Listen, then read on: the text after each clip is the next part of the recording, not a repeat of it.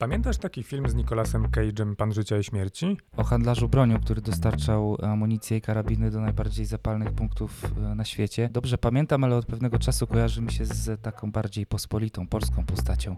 Z handlarzem bronią e, nazwiskiem Andrzej Izdebski. Jak się okazuje, Andrzej Izdebski nie tylko handlował bronią, ale handlował też respiratorami. W szczycie pandemii dostarczył polskiemu rządowi respiratory. Bardziej miał dostarczyć, bo z zamówionych przez polski rząd dojechała tylko część i to wybrakowana. A sam Andrzej Izdebski zapadł się pod ziemię, a po jakimś czasie odnalazł się niestety martwy w Albanii. Jego działalność od lat śledził i opisywał Bertolt Kittel, dziennikarz śledczy najpierw Rzeczpospolitej, dzisiaj w superwizjerze TVN i o jego śledztwie w sprawie Andrzeja Izdebskiego dzisiaj sobie z Bertoltem porozmawiamy. Historia była absolutnie hardkorowa. Tenże Izdebski zadał się ni mniej, ni więcej tylko z facetami z Pruszkowa, którzy też chcieli handlować bronią. Facet znalazł sposób na to, żeby być poza jakimikolwiek radarami. Wszyscy handlarze trafili za to do więzienia, z wyjątkiem jego. Wybierzemy się też do Lublina śladami Andrzeja Izdebskiego. Odwiedzimy jego dom i wdowę po Andrzeju Izdebskim, panią Ewę. Mam e, dosyć. Ja bym chciała, żeby to się wreszcie skończyło. Konrad Szczygieł. Mariusz Sepioło. W tym podcaście opowiadamy o kulisach dziennikarskich śledztw. Naszym gościem jest Bertolt Kittel, dziennikarz superwizjera TVN. Cześć Bertolt. Cześć. Kiedy po raz pierwszy usłyszałeś o Andrzeju Izdebskim?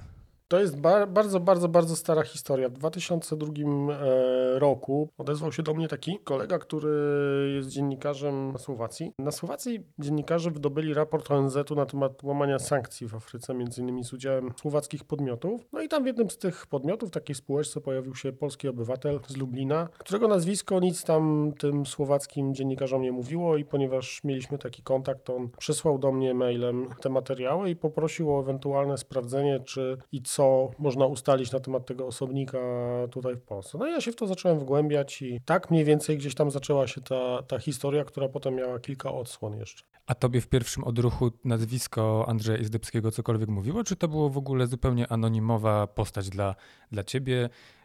I, i, w ogóle wtedy, w 2002 roku w Polsce, czy, czy Izdebski to była, czy to, był, czy to była persona? To, że mnie nic ona nie, nie mówiło, to nazwisko, to, to powiedzmy nie jest jakoś zaskakujące, tak? No bo to były początki takiego powiedzmy czasu internetu de facto. No wiadomo, że internet działał trochę dłużej, ale to zasoby internetu były bardzo e, wątłe. No więc mnie to dużo nie mówiło. W internecie tego faceta w zasadzie chyba na jego temat niewiele było. Jak zacząłem pytać ludzi, którzy powinni coś na jego temat wiedzieć, to w zasadzie wszyscy mówili, że w ogóle kogoś takiego nie znają, pierwszy słyszą. No i miałem takie poczucie, że właściwie szukam człowieka, czy, czy badam jakąś tam działalność człowieka, który z jednej strony gdzieś tam na świecie zaczyna się jawić jako osoba znana w handlu bronią, a w Polsce jest totalnie nieznany i to był taki dla mnie kontrast pewien. Zresztą z perspektywy czasu to e, wydaje mi się, że kiedy doszło już do tego, że on stał się bohaterem afery respiratorowej, to w zasadzie wszystkie materiały i cała wiedza na jego temat przestrzeni publicznej, z jakiej mogli też skorzystać dziennikarze, była wytworem właśnie tego wielo, wieloletniego śledztwa, które gdzieś tam e, prowadziłem w tej sprawie i pod koniec e, też z Jarkiem Jabrzykiem. W zasadzie ten facet stał się takim był takim człowiekiem, który w Polsce nie budził żadnego zainteresowania. Tak? W zasadzie mnie gdzieś tam ta historia zaczęła e, męczyć, dlatego że wydawało mi się, że to, co on robi za granicą, wymaga jakiegoś zgłębienia, bo wiedziałem z różnego rodzaju dokumentów czy, czy, czy informacji, że on prowadzi bardzo rozległą działalność poza granicami Polski. Tymczasem w Polsce on handlował śrubkami po prostu, tak? Tak, no na papierze miał, y, miał jakieś dwie firmy, prawda, zarejestrowane y, i, i w ogóle na papierze to wyglądało jak zupełnie normalny, legalny biznes, tylko że taki międzynarodowy. No więc y, to jest w ogóle zabawna sprawa, bo jak zapyta się o handlarza bronią zwykłego przechodnia, człowieka, nie wiem, kogoś znajomego, czy tam osobę, która gdzieś tam nie interesuje się specjalnie takimi kwestiami, no to oczywiście dla niego wizerunek handlarza bronią to jest ten wizerunek z filmu z Nicolasem Cage'em. Z Nicolasem Cage'em, czyli błyskotliwy facet obwieszony złotem z modelkami na ramionach z jednej strony, z drugiej strony i samolotem, tak? Tak, zawsze w garniturze, elegancki taki. Tutaj mieliśmy takiego gościa, który tak, jeździł z Kodą, e, chodził w takim niedopasowanym, szarym gajerze, miał trochę taką ziemistą cerę, wyglądał jak taki wujek, powiedzmy, z jakiegoś tam imprezy rodzinnej, zupełnie nieciekawy facet, za którego by się nie dało 5 złotych. No i stanowił taki e, jaskrawy, jeśli można tak powiedzieć, kontrast z e, tym wizerunkiem, który gdzieś tam się utrwalił, prawda? Czyli zero życia, zero tego. Po prostu ja nie istnieję, tak? Jakby on komunikował swoją osobowością i, i, i swoim, e, swoim zachowaniem. No i ja miałem przez długi taki, przez długi czas miałem taki właśnie zgryz z tym facetem, że z jednej strony on się jawił e, i coraz bardziej mi się to objawiało jako osoba, która gdzieś tam na świecie jest fantastycznie ustosunkowana, świetnie, świetnie z, e, znana w tej branży, a w Polsce jakby jest totalnie nieznany, tak? Nawet dla ludzi, którzy handlują bronią, nawet poszedłem do gości, którzy mieli koncesję i handlowali bronią, pytając o tego faceta i oni go nie kojarzyli nawet jako swojego konkurenta, tak? Przynajmniej tak mówili. No i, no i e, to było jakoś tam e, ciekawe. Tutaj trochę pomógł przypadek, bo ten facet e, na początku lat 90. prowadził różne biznesy. Prowadził e, w Warszawie taki biznes i znów e, to była firma zarejestrowana zresztą koło redakcji Rzeczpospolitej gdzieś na, tam na tej bliskiej Ochocie. Tutaj ona prowadziła jakieś tam zupełnie takie normalne działania, ek, eksport, import. Spółka w Czechach stała się znana, ponieważ wpadła na próbie wywozu chyba trzech ton Semteksu. Oczywiście w dalszym ciągu to było tak, że nie było internetu. Ja wyszukałem taką krótką depeszę bodajże w serwisie PAP-u, który był wtedy jakby takim naszym internetem dla dziennikarzy, że no, że w Czechach jest taki skandal, jakaś tam gazeta coś napisała i pojawia się tam taka spółeczka, właśnie ona jest z Warszawy. No to finalnie skierowałem się do sądu rejestrowego, ponieważ on, te firmy to były spółki, gdzieś tam leżały jakieś dokumenty i tam znalazłem taką nitkę. Poza jakimiś osobami, które mogły mi coś powiedzieć, znalazłem nitkę w postaci tego, że bodajże tam była wspomniana jakaś, czy była jakaś prośba z prokuratury, czy coś, jakieś zapytanie z e, sygnaturą akt. W związku w ogóle z jakąś tam firmą, w której ten, ten e, Andrzej Izdebski funkcjonował. To było dosyć, tam dokładnie jest zawsze wskazane jednostka akta, więc dosyć szybko mi się udało namierzyć tę sprawę, która chyba nie była jeszcze wtedy skończona w sądzie, mimo że dotyczyła wydarzeń z lat 91, 90-91, e, a był przecież 2002 rok, jak pamiętamy. No ale tak e, sądownictwo wtedy działało, zresztą teraz też tak działa, muszę przyznać, że, że niewiele się pod tym względem zmieniło.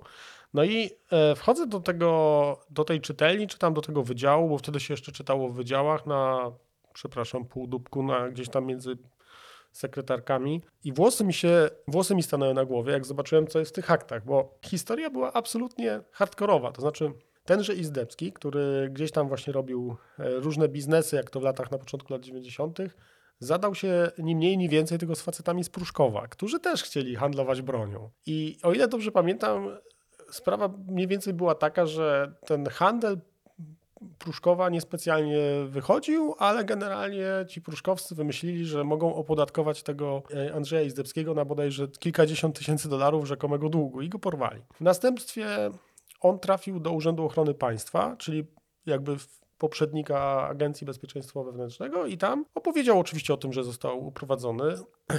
Sprawcy zostali aresztowani, no ale przy okazji opowiedział dlaczego, cały kontekst, co on robi, jakich ma wspólników, był tam opis na przykład tego, jak e, pozyskiwał, wywoził karabiny z Radomia gdzieś tam na południe. Wtedy trwała wojna na Bałkanach, tak? Więc ten trop był bardzo ciekawy.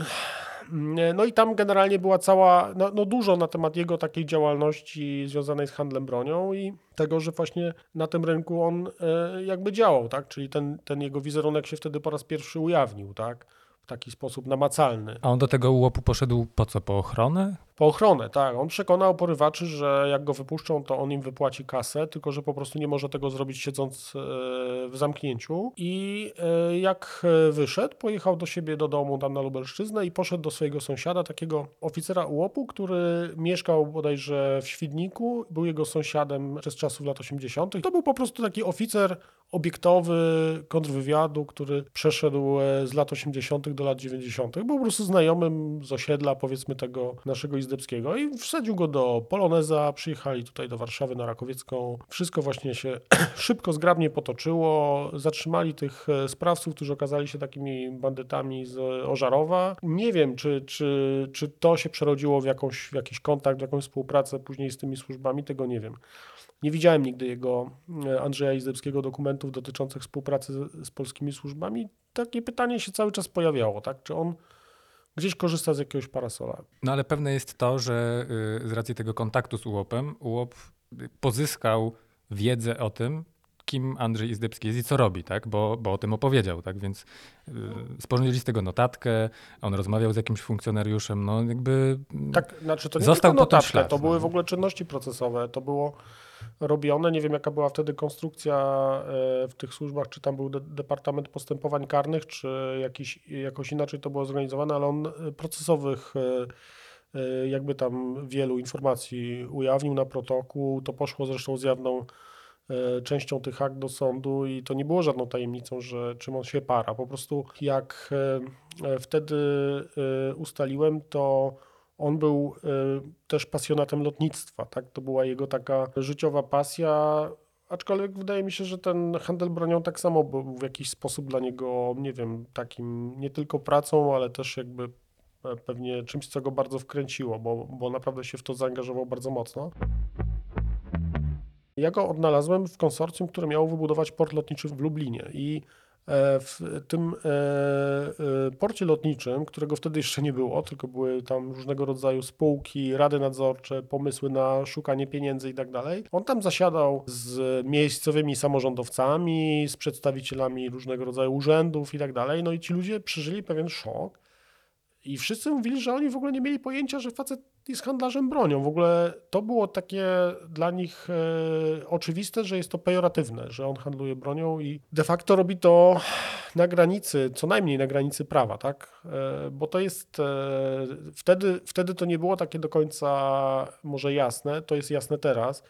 E, Andrzej e, Izdebski nie trudnił się legalnym handlem bronią. On prowadził taką działalność niszową, w której dostarczał broń lub wszelkiego rodzaju cargo e, w różne miejsca i robił to na tyle dyskretnie, że był atrakcyjnym dostawcą dla ludzi, którzy byli objęci różnego rodzaju sankcjami, embargami i tak. No bo po prostu ten, on miał taką filozofię, o czym sam mi powiedział, że to, że na przykład Stany Zjednoczone sobie na kogoś nałożą sankcje, to przecież nie jest jego problem. To jest problem Stanów Zjednoczonych. No i w sumie nie wiem, no facet po prostu zrobił sobie biznes, znalazł grupę docelową, której dostarczał różne rzeczy i tu abstrahuję jakby od tej moralnej oceny, ale no z tego żył, i, ale też się z tym nie afiszował. No i to publikacja tego tekstu wywołała jakieś tam, przynajmniej oficjalnie, deklaracje, że to skandal. On został zmuszony do opuszczenia spółki. Później, pamiętam, znalazłem go jeszcze w jakimś projekcie, który był finansowany z pieniędzy na rozwój różnego rodzaju technologii zbrojeniowych, samolotów szkoleniowych i tak.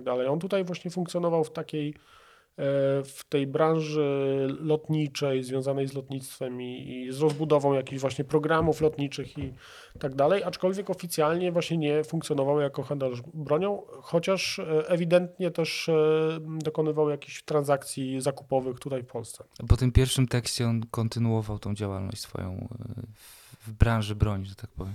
No tak, tak, tak. Ja się potem z nim spotkałem w 2009 roku u niego w biurze w Lublinie.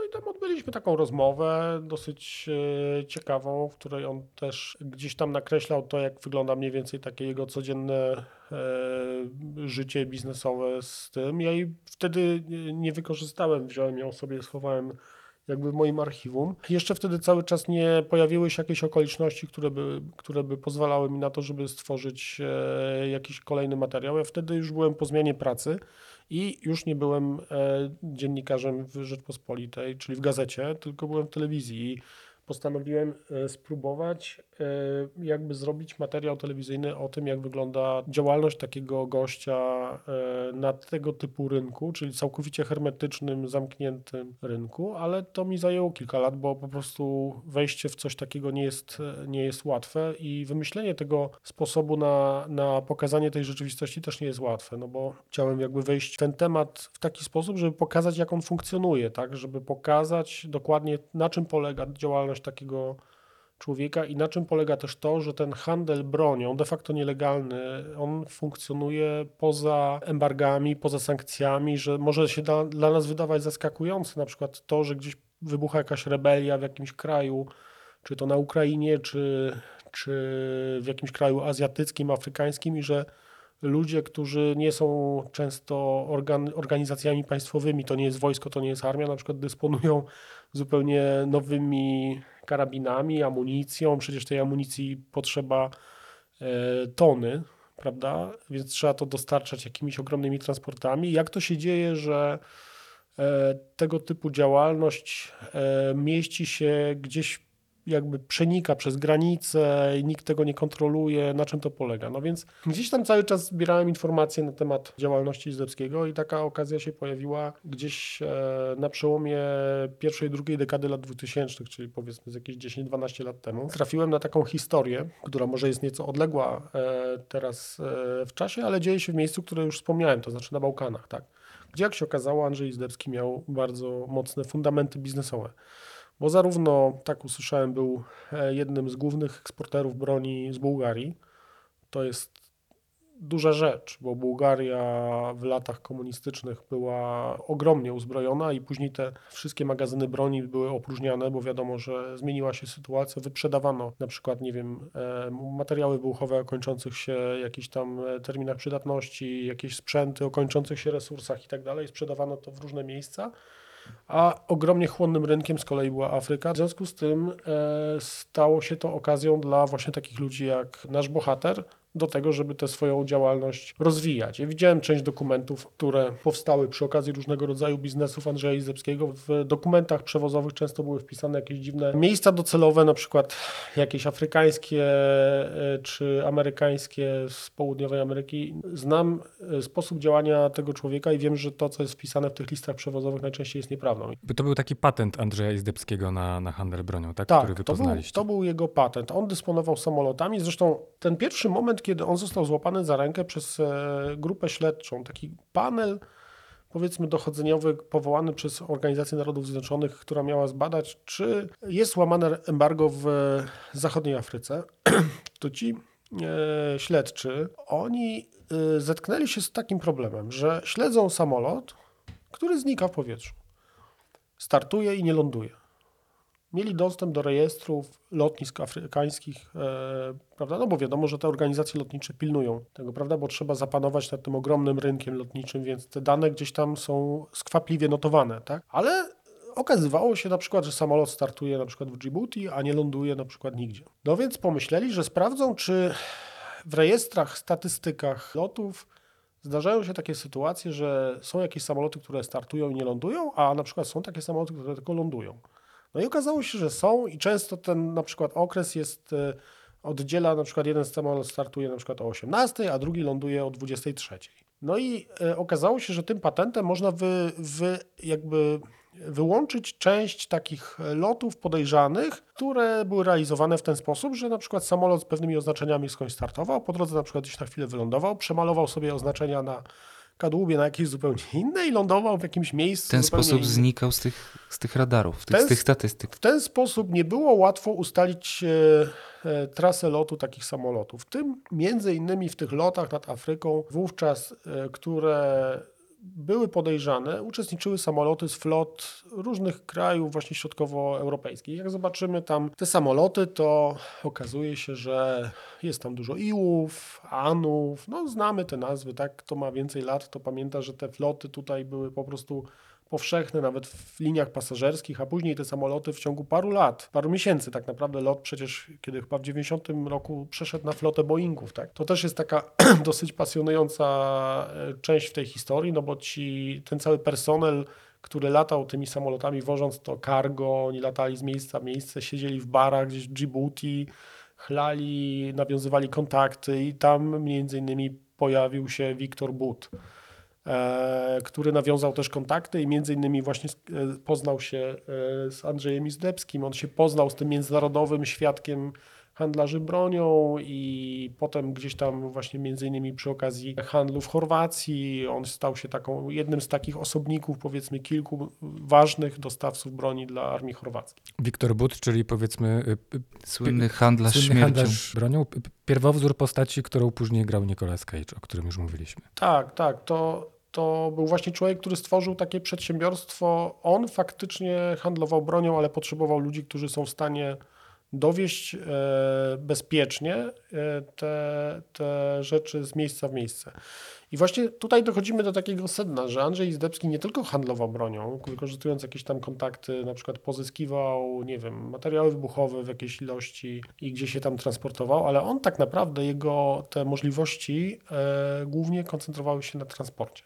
Gdybyśmy mogli się za, zatrzymać, bo to bardzo ciekawe. Co to znaczy, że właśnie on zajmował się też Właśnie transportem? do tego chcę przejść. W 2000 roku e, e, w centrum Zagrzebia, w takim bardzo na takim popularnym deptaku, doszło do zamachu na faceta, który był królem hazardu Chorwacji. Chorwacja, chociaż pewnie mnóstwo ludzi tam jeździ na wakacje, jest krajem bardzo przesiąkniętym różnego rodzaju dziwnymi bardzo biznesami grup przestępczych. Ich na co dzień nie widać, bo to nie są takie biznesy, gdzie ktoś goni się, akurat no może w tym przypadku tak było, ale to też było dawno temu, goni się z pistoletem po ulicy, to są jakieś tam e, bardzo e, dziwne operacje finansowe i tak dalej. Mam znajomych też wśród dziennikarzy chorwackich, więc trochę na ten temat wiem. Sytuacja tam jest e, pod tym względem nieciekawa. Bardzo często również pod względem bezpieczeństwa dziennikarzy tam zdarzają się zamachy wprost na dziennikarzy. Natomiast na, w centrum e, Zagrzebia został zastrzelony taki właśnie rekin hazardu podziemnego. Jakiś czas później do moich znajomych dziennikarzy zadzwoniła jego matka z Belgii, powiedziała, że zostały po nim jakieś dokumenty, żeby sobie je zabrali. W tych dokumentach znalazło się archiwum e, operacji jugosłowiańsko-chorwackich e, Andrzeja Izdebskiego. Tam było w zasadzie wszystko rozpisane, jak on funkcjonuje. Znalazłem na przykład taki dokument, jak planowano lot z samolotu wypełnionego uzbrojeniem dla Chorwacji. Chorwacja wtedy była pozbawiona bro- broni i amunicji, ponieważ armia jugosłowiańska tuż przed konfliktem w 1991 roku wycofała właściwie całą broń. 90-91 rok wycofują właściwie całą broń e, z regionu e, Chorwacji. Kiedy doszło do takiej wojny na pełną skalę, Chorwaci byli wyposażeni w zasadzie trochę w broń osobistą, trochę mieli broni automatycznej, broń myśliwską i na przykład skala tego niedoboru e, najlepiej to ilustruje fakt, że musieli konstruować bomby z boilerów. Naładować do boilera z łazienki materiału wybuchowego, następnie wsiadali na samolot rolniczy, lecieli na pozycję serbskie i zrzucali go z góry z zapalnikiem. A Chorwacja prowadziła wojnę obronną, tak? I to między innymi właśnie e, e, embargo ONZ-u i, i taka błędna polityka niewspierania tych walczących stron spowodowało, że, że znaleźli się w takiej rażącej dysproporcji w stosunku do agresora, który po prostu miał zawodową armię jugosłowiańską i, i czołgi, rakiety i tak dalej. No więc oni desperacko zbierali kasy wśród diaspory chorwackiej na świecie i kupowali broń, gdzie się dało, między innymi właśnie u Izdebskiego. No i e, znaleźliśmy taki dokument opisujący plan transportu. Jak e, jest napisane, że tam samolot wystartuje z jednego punktu gdzieś tam z lotniska bodajże na Ukrainie, będzie leciał, leciał, leciał do Afryki, ale będzie miał międzylądowanie w Splicie. No i na tym międzylądowaniu w Splicie zostanie wyładowane z niego całe cargo, cały transport, jakiś tam broni, amunicji i tak dalej. I on sobie poleci dalej i przyleci pusty tak, do, do e, miejsca przeznaczenia tego oficjalnego, tak? No i po raz pierwszy właśnie okazało się, udało się odtworzyć ten sposób funkcjonowania tego człowieka, tak? Że on jakby maluje pewną rzeczywistość w dokumentach i robi prosty myk. Na przykład przelatuje nad terytorium, do którego ma dostarczyć broń i tam rozładowuje przez 45-50 minut. No przecież jak sprzęt jest dobrze załadowany i mamy wózki widłowe, to naprawdę nie jest problem, żeby go rozładować, prawda? Tak, a w papierach miejscem docelowym nie jest miejsce międzylądowania, tylko jakiś zupełnie mm, nieważny dla tej historii. Tego międzylądowania na dobrą sprawę w dokumentach w ogóle nie musi e, być widać, tak? że, że coś takiego było. A oczywiście były katalogi sprzętu, co może dostarczyć i tak dalej. No i nasunęło mi się, że można byłoby spróbować to odtworzyć. Zrealizowaliśmy taki materiał, że oto do Andrzeja Izdebskiego zgłasza się biznesmen, e, który pracuje jako taki rodzaj consigliore dla wschodnich różnego rodzaju biznesmenów, mafiozów i zarządza ich majątkami w Pradze. Kupuje im nieruchomości, apartamenty, bierze kasę i tak dalej. Nie jest absolutnie człowiekiem od handlu bronią i ma e, problem, bo utknął e, transport broni dla prywatnej armii, która potrzebuje silnie, pilnie zaopatrzenia w związku z sytuacją na wschodzie Ukrainy i trzeba zawieźć tam transport broni. Zgłosił się do Izdebskiego, powołując się na dawną znajomość z jednym z handlarzy bronią jeszcze z czasów e, chorwackich, No i to było dla niego absolutnie przekonujące, tak? Znaczy, znaczy Izdebski sprawiał wrażenie, jakby miał, miał u, uważał, że w ogóle tego gościa po prostu zna, bo kiedyś się musieli zetknąć, bo on kiedyś tam był asystentem jego wspólnika, nie wiem, biznesowego, czy jakiegoś tam partnera przez moment. A nie obawialiście się, że on zweryfikuje jakoś tę te, te, te legendę? To, że jakby powołujecie się na człowieka, którego y, znał Izdebski z dawnych lat? Wiedzieliśmy, że e, człowiek, na którego się powołujemy, wycofał się z pewnych względów z biznesu, bo miał kłopoty, między innymi w Unii Europejskiej, związane z e, procesem o handel rakietami i że siedzi gdzieś na jakichś wyspach i generalnie jest nieosiągalny, nie odbiera telefonu. Wiedzieliśmy, że nie jest tak, że w danym momencie, tam w tym 2013-2014 roku y, taka weryfikacja jest możliwa. Po drugie, nie chcę wchodzić w szczegóły, ale generalnie zazwyczaj robimy takie delikatnie, mm, podrasowujemy tą rzeczywistość w takim kierunku, żeby pewne rzeczy były niesprawdzalne. E, Nawet jeżeli mamy nazwisko człowieka czy coś takiego, to, to można to jakby ułożyć w taki sposób, że nawet jeżeli znasz nazwisko człowieka, to, to nie jesteś w stanie sprawdzić jego do końca tożsamości. Ta sytuacja była na tyle wiarygodna dla Izdebskiego, że on tego nie robił. Zgłosiliśmy się do niego i on zaczął opowiadać, jakie ma możliwości. Także jeżeli chodzi o transport, no to oczywiście samolot, tego było bodajże 60 ton różnego rodzaju sprzętu. On nie wnikał w ogóle w to, jaki to jest sprzęt. Tak? Dla niego się liczyło tylko to, że, że musi być odpowiednia ładowność, pojemność samolotu, no i w, jak to przeprowadzimy, tak? No i, no i się zaczął taki, e, taki, takie składanie ofert, powiedzmy, czy, czy prezentowanie tych możliwości. On mówi, że no może załatwić dowolny dokument, e, tylko że one mają jakby tak różną cenę i róż, w różny sposób mogą być e, ten, żeby wprowadzić jakby w temat na pozwolenie na handel bronią może być wydane, kiedy y, wydający kraj na opuszczenie na przykład jakiejś broni, a mówimy o broni wojskowej, tak? To nie jest broń myśliwska. Mówimy o rakietach, o czołgach, o transporterach opancerzonych.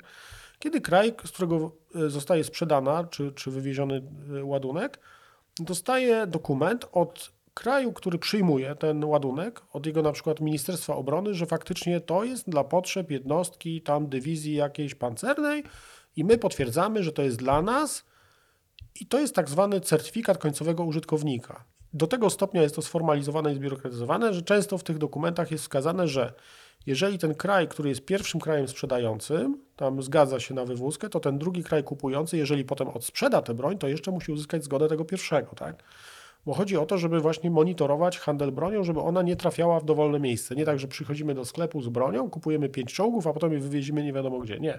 Tu formalnie jest tak to zorganizowane. No i oczywiście, jak wszystko, te e, dokumenty stały się przedmiotem handlu. No i właśnie e, siedzimy z człowiekiem, który może nam sprzedać te dokumenty i on e, zachęca nas, tak, że ma na przykład do sprzedania, mo, może nam załatwić dokument na przykład z jakiejś tam kraju, no ale to taki, on będzie tani, to będzie tylko taki właściwie prawie że sfałszowany, a może nam załatwić taki, że jak na przykład Ministerstwo Obrony Czech w tym przypadku zwróci się do te, ambasady tego kraju, to ta ambasada potwierdzi ten dokument, że faktycznie Ministerstwo Obrony zamówiło ten sprzęt i to będzie na przykład z Mali. On mówił, że, że, że dobre są właśnie dokumenty z Mali, że on tam ma kontakty, a na przykład na wschodzie, gdzieś tam bodajże w Kirgistanie czy gdzieś, to musi jechać do Moskwy tak naprawdę, bo te władze lokalne tam na, w tym, na tym terytorium to nic nie mogą i załatwia się to po prostu w Moskwie w wiadomej instytucji. No i finalnie ustaliliśmy taki plan, że wystartują te nasze, e, to nasze zamówienie, ten nasz ładunek, poleci gdzieś właśnie do Tadżykistanu czy gdzieś i będzie miał międzylądowanie, międzylądowanie w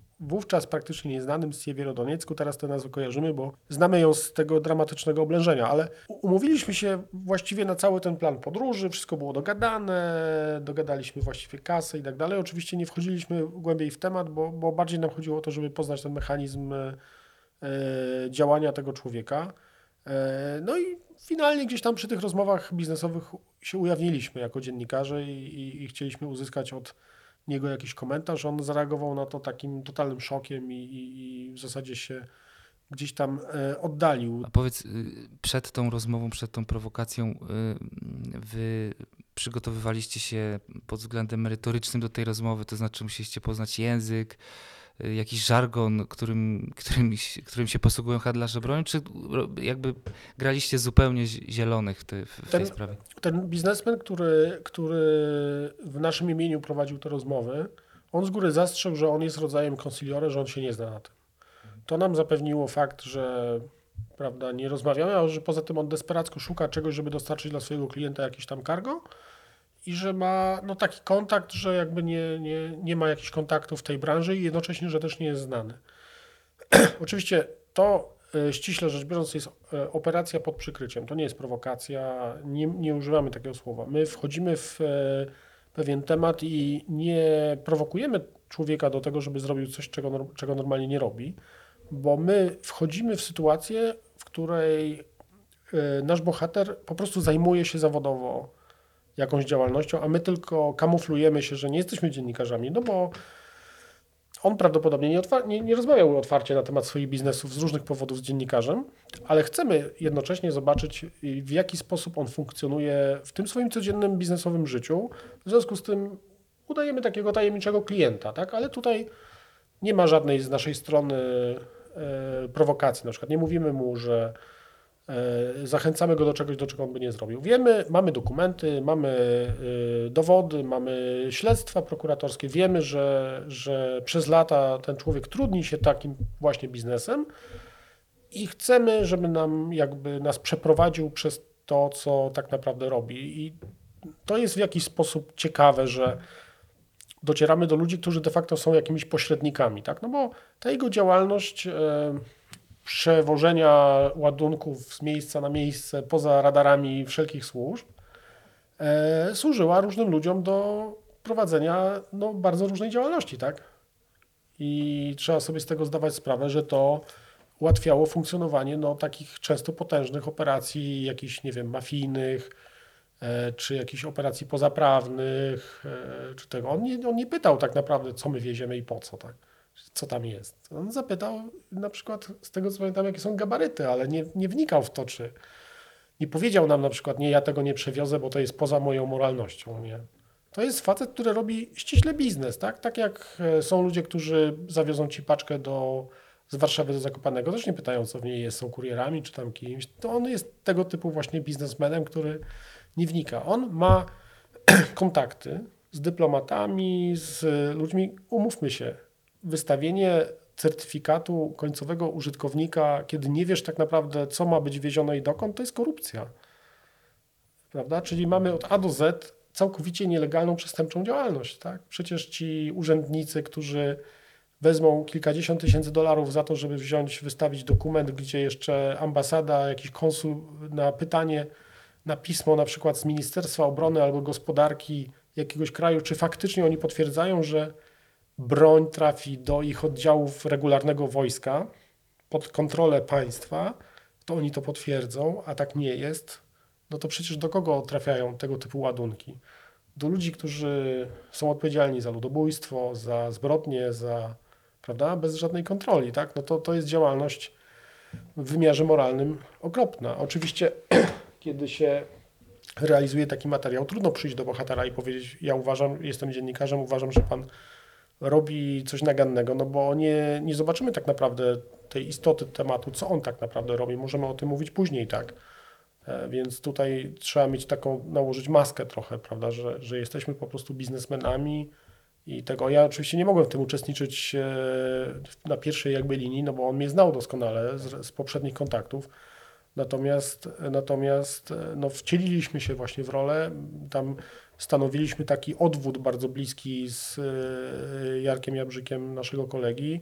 Byliśmy cały czas w rejonie te, tych miejsc, gdzie to było. Nie, finalnie okazało się, że nie ma żadnych zagrożeń, tak? że, że to jest po prostu biznesowa rozmowa, że to nie jest groźny człowiek. Nie chodzi, nie wiem, z ochroniarzami, z bronią. Nie, nawet do tego stopnia, że te rozmowy się toczyły tak w kawiarni, że leżał te, telefon po prostu na stole. Przed nimi nie było nawet tego elementu, że, że tutaj rozmawiajmy na przykład o jakiejś, nie wiem, saunie, bo rozmawiamy o czymś nielegalnym. On do tego w ogóle tak nie podchodził. Nie, nie, nie traktował tego jako coś, z czym należało się kryć i to jest To było chyba najbardziej zaskakujące, jak, jak oglądałem wasz reportaż, że zarówno w 2008 roku, jak poszedłeś do niego po raz pierwszy na spotkanie, on był dosyć wylewny i chętnie opowiadał tobie jako dziennikarzowi wtedy o tym trochę jak funkcjonuje i to było, y, to, to był pierwszy taki szok y, związany z tą postacią, że y, mimo tego, że on zajmuje się tym, czym się zajmuje, to, to o tym chętnie opowiada, a później, no właśnie wy go nagraliście y, z tego, co pamiętam, y, w Mariocie, prawda? w różnych takich publicznych miejscach i to naprawdę nie był problem, żeby właśnie leżał, nie wiem, telefon na biurku. On się w żaden sposób nie krył. Moim zdaniem to wynikało z faktu, że jego działalność e, przepływała, przechodziła przez tyle krajów, że w zasadzie nie wiadomo e, na dobrą sprawę, w jaki sposób miałoby zostać, na przykład jak, jak on miałby być oskarżony i przez kogo. On o tym wiedział. Myślę, że jego działa. On e, przede wszystkim zwróćcie uwagę, że on de facto nie popełniał jakichś afer, zbrodni, nie wiem, spraw w Polsce. Na swoim rynku się tutaj zachowywał e, grzecznie, e, prawda? Nie wchodził w paradę tutaj prokuraturze. Tak naprawdę to się zmieniło dopiero wtedy, kiedy, e, kiedy wyszła historia z respiratorami, prawda? Kiedy po prostu naruszył de facto interes e, polskiego rządu, no bo nagle zniknęły jakieś dziesiątki milionów złotych, tak? I, i to w sytuacji totalnej kompromitacji, afery e, i, i jakiegoś takiego skandalu, ale wcześniej to ten człowiek w zasadzie był tutaj całkowicie czysty. Skandal w Albanii z Izdebskim wybuchł bodajże w 2013 albo 2014 roku, kiedy okazało się, że szef wywiadu, taki wszechwładny, dosyć jak na Albanię człowiek, e, wsadził bodajże swoją żonę do jego spółki i tam e, no, pojawiło się podejrzenie, że zarabia na tym, że udziela zezwoleń na wywóz e, amunicji bądź materiałów wybuchowych z Albanii i, i że e, w ten sposób zarabia i zrobił się wielki skandal w parlamencie i, i w rezultacie ten właśnie wszechwładny szef, szef e, albańskich służb ustąpił ze stanowiska. Natomiast i wtedy nazwisko Izdebskiego też było tam odmieniane w zasadzie w każdym tabloidzie, w każdej gazecie wiele razy. Ja pojechałem do Tirany, żeby to zdokumentować, no i potem finalnie to miejsce, właśnie ta Tirana, stała się tym jego odwodem, gdzie on uciekł przed problemami w Polsce, no i najprawdopodobniej tam też zmarł, tak? Tak, i wiemy, że z tym byłym szefem wywiadu przyjaźnił się do końca, bo to y, właśnie żona y, byłego szefa wywiadu poinformowała rodzinę y, Andrzeja Zdebskiego o jego, o jego śmierci. Ale wróciłbym do tej historii z respiratorami, ponieważ no właśnie y, wy publikujecie swój reportaż w 2014 roku, y, dostaliście za niego nagrodę. Tam konsekwencji takich dla Izdebskiego po publikacji, z tego co pamiętam, wielkich nie było. W związku z tym, że wy, wy ujawniliście. No właśnie. I mija kilka, e, kilka ładnych lat, mamy pandemię i Andrzej Izdebski objawia się w nowym wcieleniu, mianowicie człowieka, który będzie dostarczał Polsce respiratory. Co ty sobie pomyślałeś, jak e, usłyszałeś o tym, że Andrzej Izdebski dostarcza respiratory dla polskiego rządu? Po pierwsze, nikt, e, kto miał biznes, kontakt z Andrzejem Izdebskim, nie mógł powiedzieć, że nie wiedział, kto to jest. To jest jasne.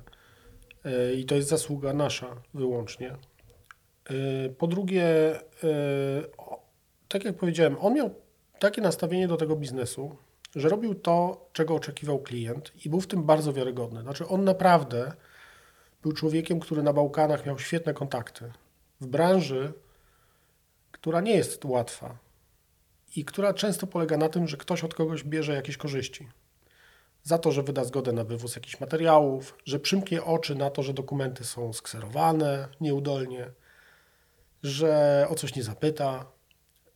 To jest branża, w której, e, która nie istniałaby bez korupcji, tak?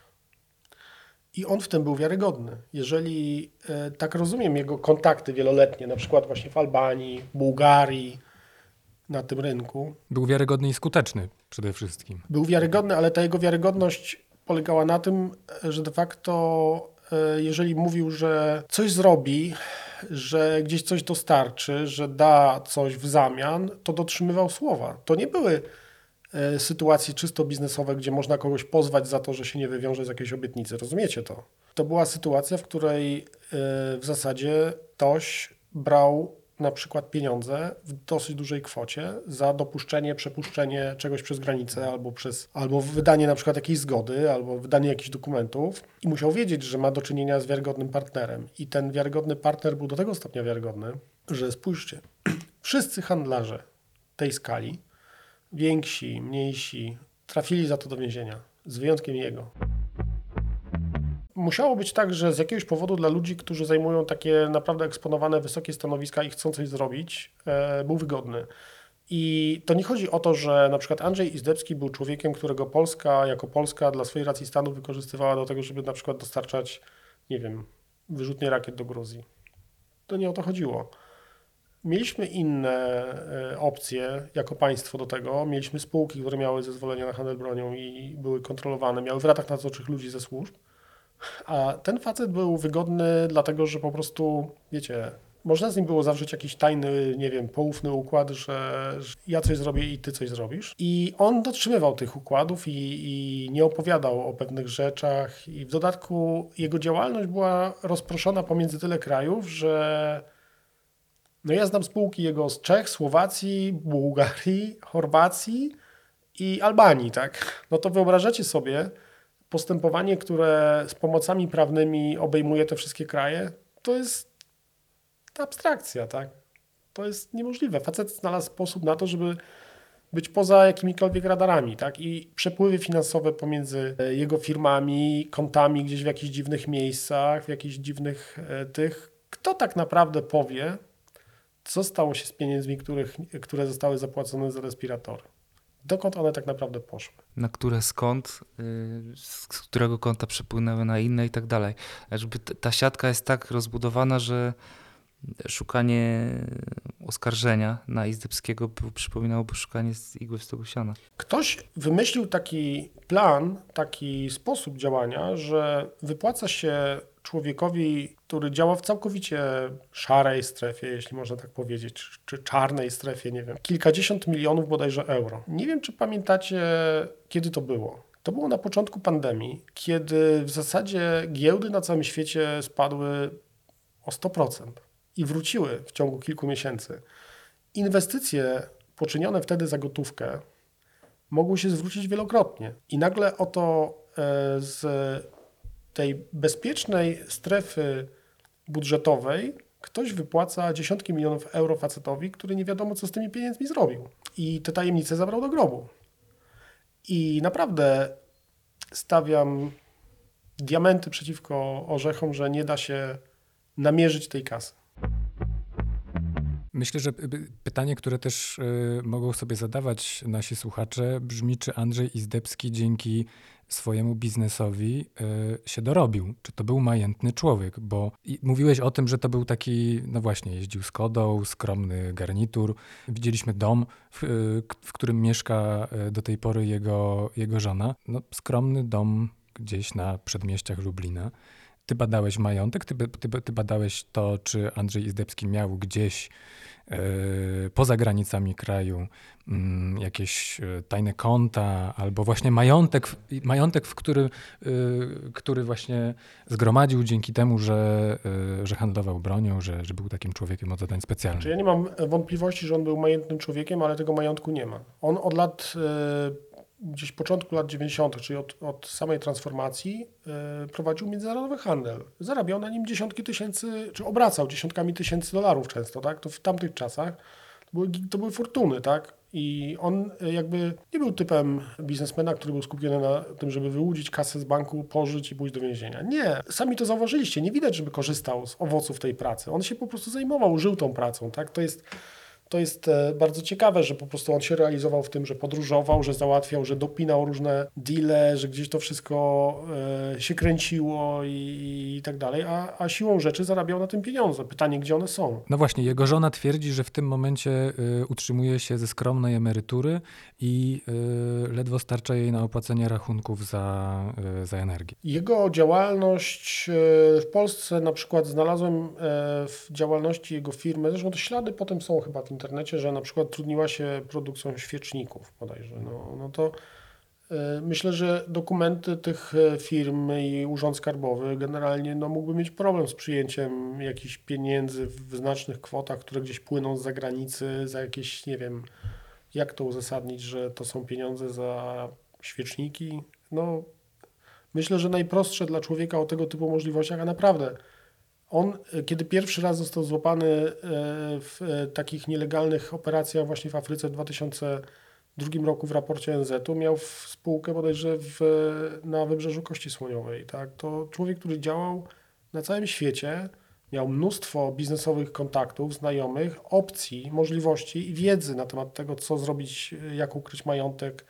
Nieprzypadkowo jego na przykład właśnie dawny dawny znajomy z czasów handlu bronią w Chorwacji siedzi gdzieś na jakichś wyspach bardzo daleko i korzysta z owoców swojej pracy. Myślisz, że ta historia kończy się wraz ze śmiercią Andrzeja Izdebskiego? Czy jest coś, czego jeszcze o nim nie wiemy? Być może się dowiemy? Zawsze gdzieś, e, przynajmniej jeżeli chodzi o działalność w takiej skali, e, coś zostaje i coś, co jeszcze gdzieś nie wyszło. Przypomnę tę historię z Chorwacji. E, człowiek ginie na ulicy, jest zastrzelony i potem rodzina przekazuje dokumenty, które po nim zostały gdzieś w piwnicy, w jakimś domu w Belgii. Tutaj to nie jest do końca tak, że Izdebski działał jako taka jednoosobowa skrzynka. On wszystko, wiele rzeczy robił sam, ale miał też partnerów, wspólników, gdzieś miał jakieś bezpieczne miejsca, gdzie coś przechowywano.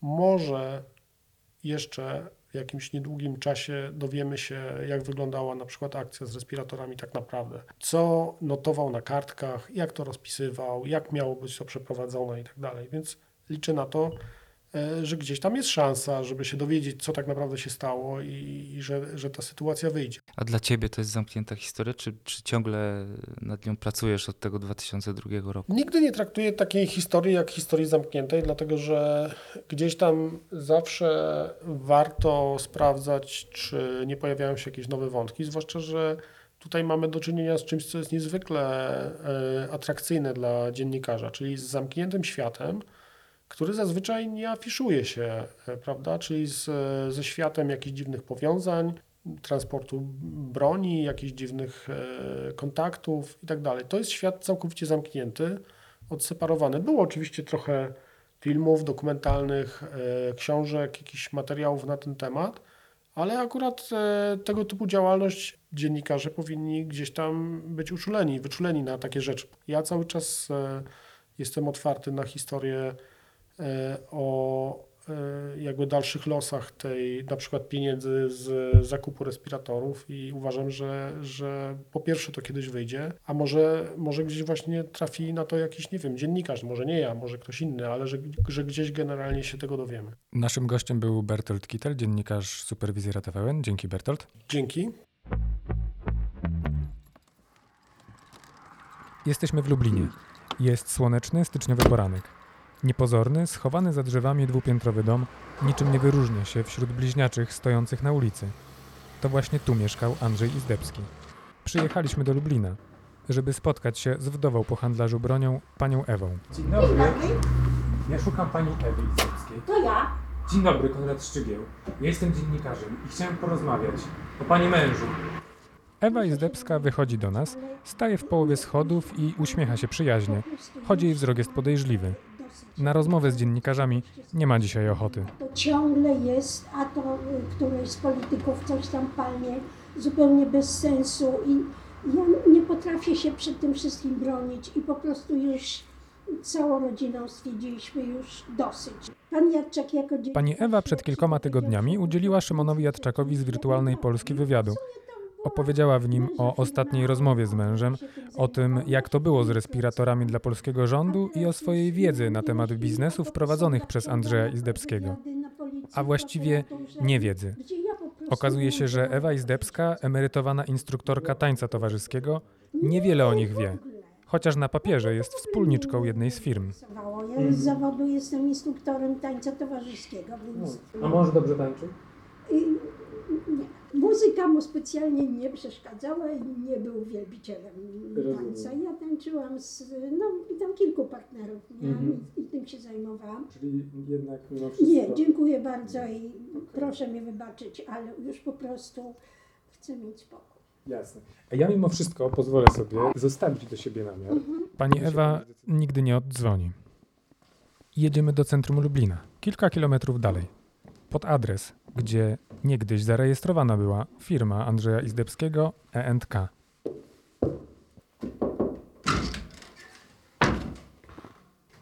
Dzień dobry. Przepraszam, szukam lokalu 2124. Radziwiłowska 5.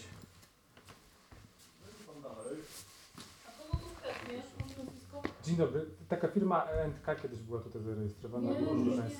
Ale ogólnie to na górze. Na górze jeszcze wyżej, tak? Tak, tak, tak. Ale tam ktoś to kupił, coś Aha. remontował i teraz... Okej, dobra, dobra. Oprócz prywatnego archiwum w domu Ewy Izdebskiej i kilku tomów akt spółek w sądzie rejestrowym, po Andrzeju Izdebskim w Lublinie nie został żaden ślad. Piątek, 27 stycznia, Rzeczpospolita rozwiała wątpliwości co do tożsamości zmarłego latem w Albanii mężczyzny. Badania DNA wykazały, że rzeczywiście zmarły w Tiranie mężczyzna to Andrzej Izdebski.